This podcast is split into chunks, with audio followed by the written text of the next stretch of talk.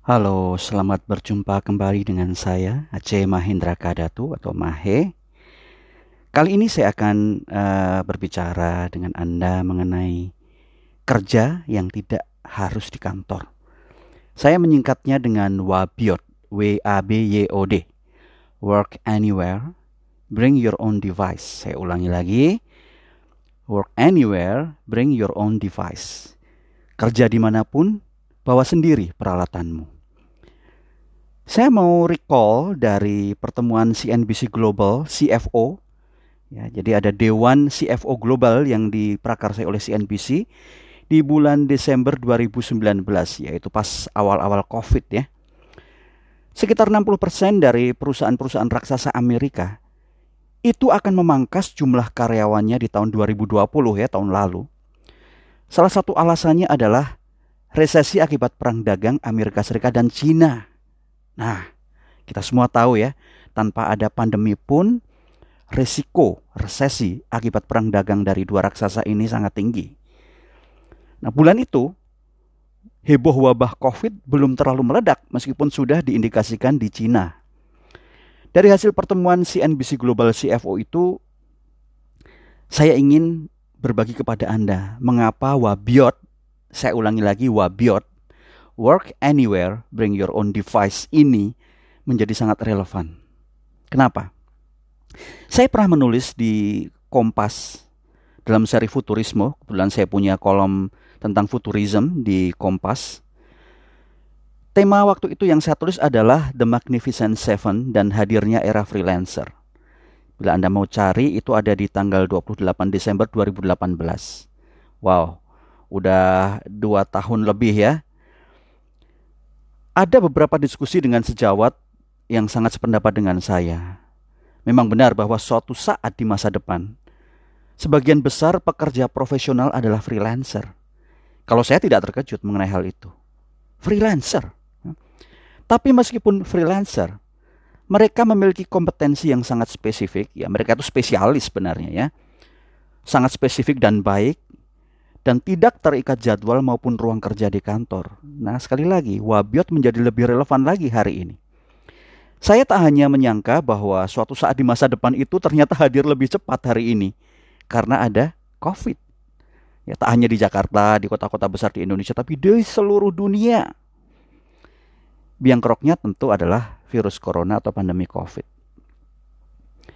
Nah, setelah lebih dari satu dekade, mungkin sekitar 12 tahun ya sudah berlalu, istilah BYOD, BYOD, Bring Your Own Device ini mulai populer di Jakarta itu akhir tahun 2010 ya, 2009, 2010 lah kira-kira ya. Mulai populer di Jakarta. Kafe-kafe banyak memfasilitasi tempat yang nyaman buat orang kantoran bekerja di sana. Apakah di sudut suatu kafe sambil bawa laptop ada colokan di dekat situ, wifi juga gratis, lepas dari soal secure atau tidak jaringannya ya. Nah, ini barangkali fenomena yang merepresentasikan Indonesia yang modern. Di satu sisi ini bagus, karena apa? Beberapa kalangan dari eksekutif korporat sudah mulai melihat, ya, lepas dari soal pandemi, karena ini sudah 10 tahun yang lalu ya, bahwa bekerja itu memerlukan suatu ambience, suatu atmosfer, suatu suasana yang berbeda. Tidak ada tekanan, tidak ada hiruk pikuk semuanya marah-marah, kena tenggat waktu, deadline ini itu, tidak ada koordinasi. Ada kalanya bekerja 8 jam di kantor tuh perlu dibuang 2 jam, 3 jam di luar kantor. Memang secara peraturan masing-masing perusahaan berbeda. Tapi saya sepakat sekali dengan beberapa kolega saya sejawat saya yang berpikir bahwa harus dimulai kultur itu. Karena output daripada bekerja, ya, output orang bekerja itu apa sih? Produktivitas, menghasilkan sesuatu. Untuk apa 8 jam, 10 jam di kantor kalau zero output? Ya, banyak sekali yang seperti itu. Busy but not productive. Untuk apa? Sibuk, bukan hanya tampak sibuk. Mungkin memang sibuk. Tapi karena tekanan sana sini menjadi tidak bisa produktif. Saya sangat menyarankan perusahaan-perusahaan besar, ya, terutama perusahaan-perusahaan yang berbasis layanan teknologi, sudah mulai menerapkan perusahaan-perusahaan yang merekrut para spesialis, terutama spesialis yang sangat tingkat tinggi dengan bandrol yang aduhai, Karena termasuk di dalamnya harga sewa peralatan-peralatan kerja mereka. Kita sewa saja para spesialis itu, kita sebut para freelancer. Ya. Kita maunya outputnya seperti ini, hargamu berapa? Saya tidak menafikan bahwa perusahaan punya kebijakan KPI, cara penghitungan uh, seberapa besar prestasi seseorang. Jadi KPI itu selalu binari berbanding dengan job desk. Ini memang ada spirit outsource, ada spirit alih daya. Tapi hanya untuk kalangan-kalangan yang memang spesialis tingkat tinggi. Saya akan bagikan kepada Anda visualisasi sederhananya ya. Bisa kita lihat yang paling gampang adalah tukang servis AC. Beberapa perusahaan besar yang punya pabrik sendiri, punya gedung sendiri, ya, punya premis atau fasilitas sendiri. Mereka punya unit maintenance yang tugasnya memastikan jaringan listrik, AC, fotokopi, ya, mesin-mesin itu, mesin kulkas yang berada di kantor itu berfungsi dengan baik tanpa ada downtime, tanpa ada kerusakan itu mereka merekrut menjadi karyawan tetap yang ngurusin AC lah, ngurusin jaringan pipa ledeng lah di kantor atau di pabrik. Tapi kalau kita lihat, sekarang ini banyak tukang servis AC yang berkeliaran di jalan dengan naik motor, sepasang, kadang sendirian. Tapi rata-rata berdua ya dengan asistennya. Berapa penghasilan mereka? Satu AC kalau hanya servis 80 ribu. Kalau dengan isi freon tambah 40 ribu. Ya, yang termurah tambah 25 ribu. Satu rumah kalau manggil itu bisa 4 5 AC. Dikalikan 5 saja. Modalnya hanya freon.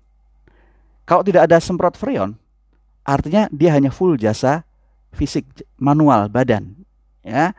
Satu hari dia bisa mengerjakan pembersihan 15 sampai 20 AC. Ya, itu minimum kalau lagi tinggi-tingginya. Dikalikan saja.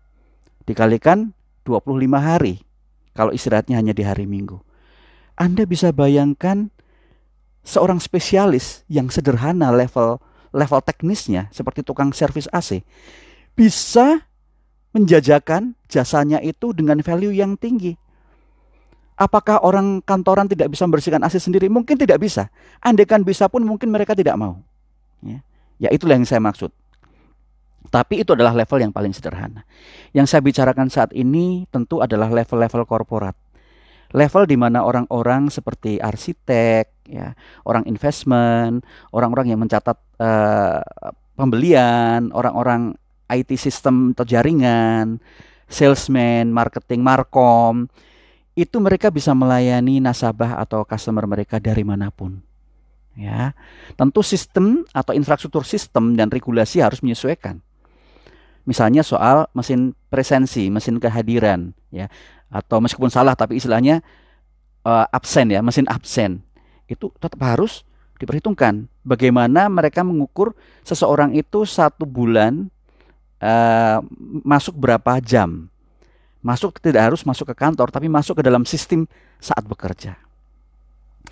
Nah itulah spesialis yang saya maksud. Jadi kalau kita bicara mengenai wabiot, work anywhere, bring your own device. Itu hari ini kita sudah melihat. Kebetulan kita mengerjakannya kalau nggak di kantor di rumah. Pandemi ini agak sulit kita bekerja di kafe karena ketakutan ini dan itu. Tapi jangan khawatir ya. Sebenarnya sudah sejak lama eh, profesi-profesi tertentu seperti konsultan hukum, ya, konsultan manajemen, konsultan lah, programmer, arsitek, dan tentu saja desainer itu bekerja secara remote.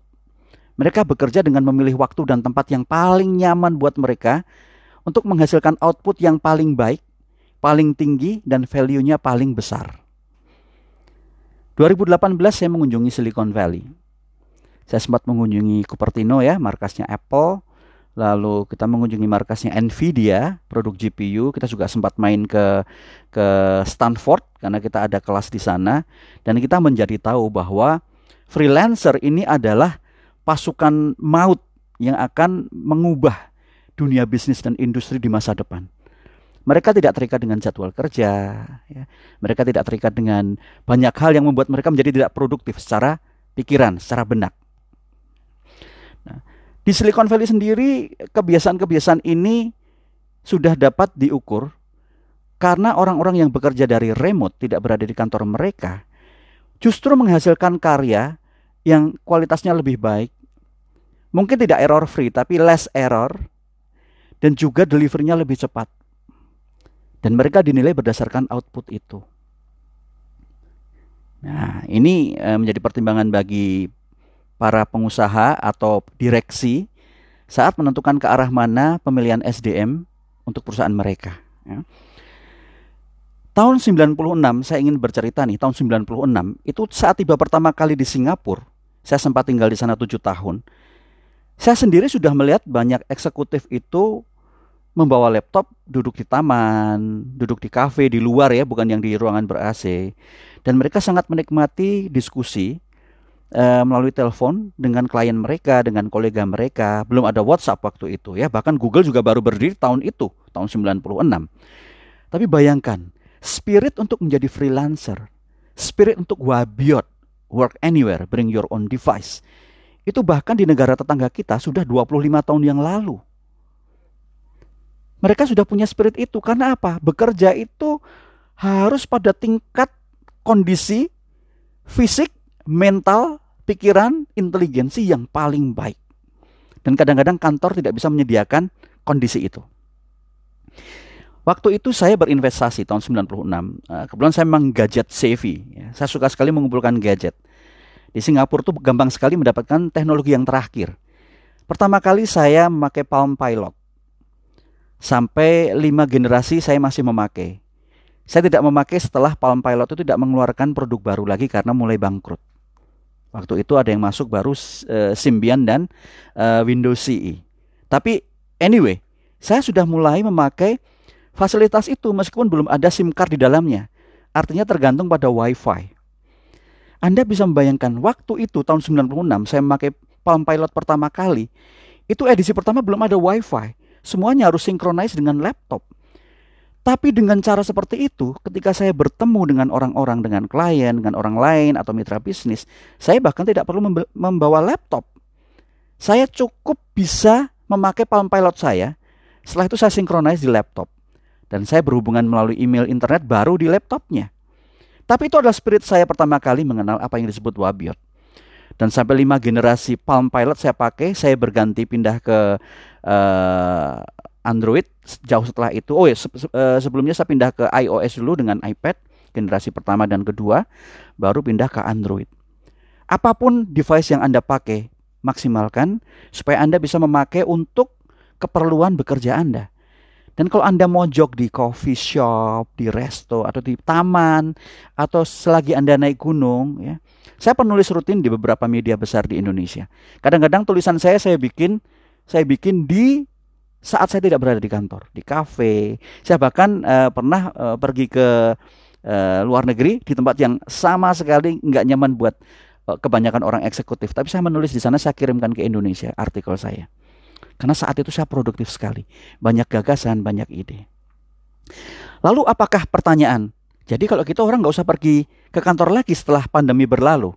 Oh jangan begitu. Tidak semua bisa ditembak rata. Tidak semua bisa ditembak rata karena beberapa hal atau beberapa profesi masih memerlukan kehadiran fisik. Seorang uh, istilahnya uh, desk front desk ya, uh, officer tidak bisa diganti karena beberapa customer masih menginginkan pertemuan fisik dengan orang-orang. Dari situ kita tahu bahwa masih ada sebagian pangsa yang membutuhkan pertemuan fisik. Nah, teman-teman semua, mari kita berpikir uh, bahwa apa yang kita lakukan dengan mulai memiliki kultur freelancer bagi karyawan-karyawan dan perusahaan-perusahaan juga harus mulai memberikan fasilitasi kalau memang outputnya jauh lebih baik anda pertimbangkan. Kenapa tidak? Why not? Teman-teman semua, ada banyak cara untuk mulai dengan hal-hal kecil. Misalnya, mulailah dengan memakai handphone Anda untuk bekerja. Coba tantang diri Anda sendiri, challenge yourself. Challenge yourself with your tablet, with your handphone, not laptop, not a desktop. Anda bekerja dengan cara itu, dengan fasilitas yang ada seperti itu. Saya sudah melakukannya dua dekade terakhir ini it works well. It meets what I am today.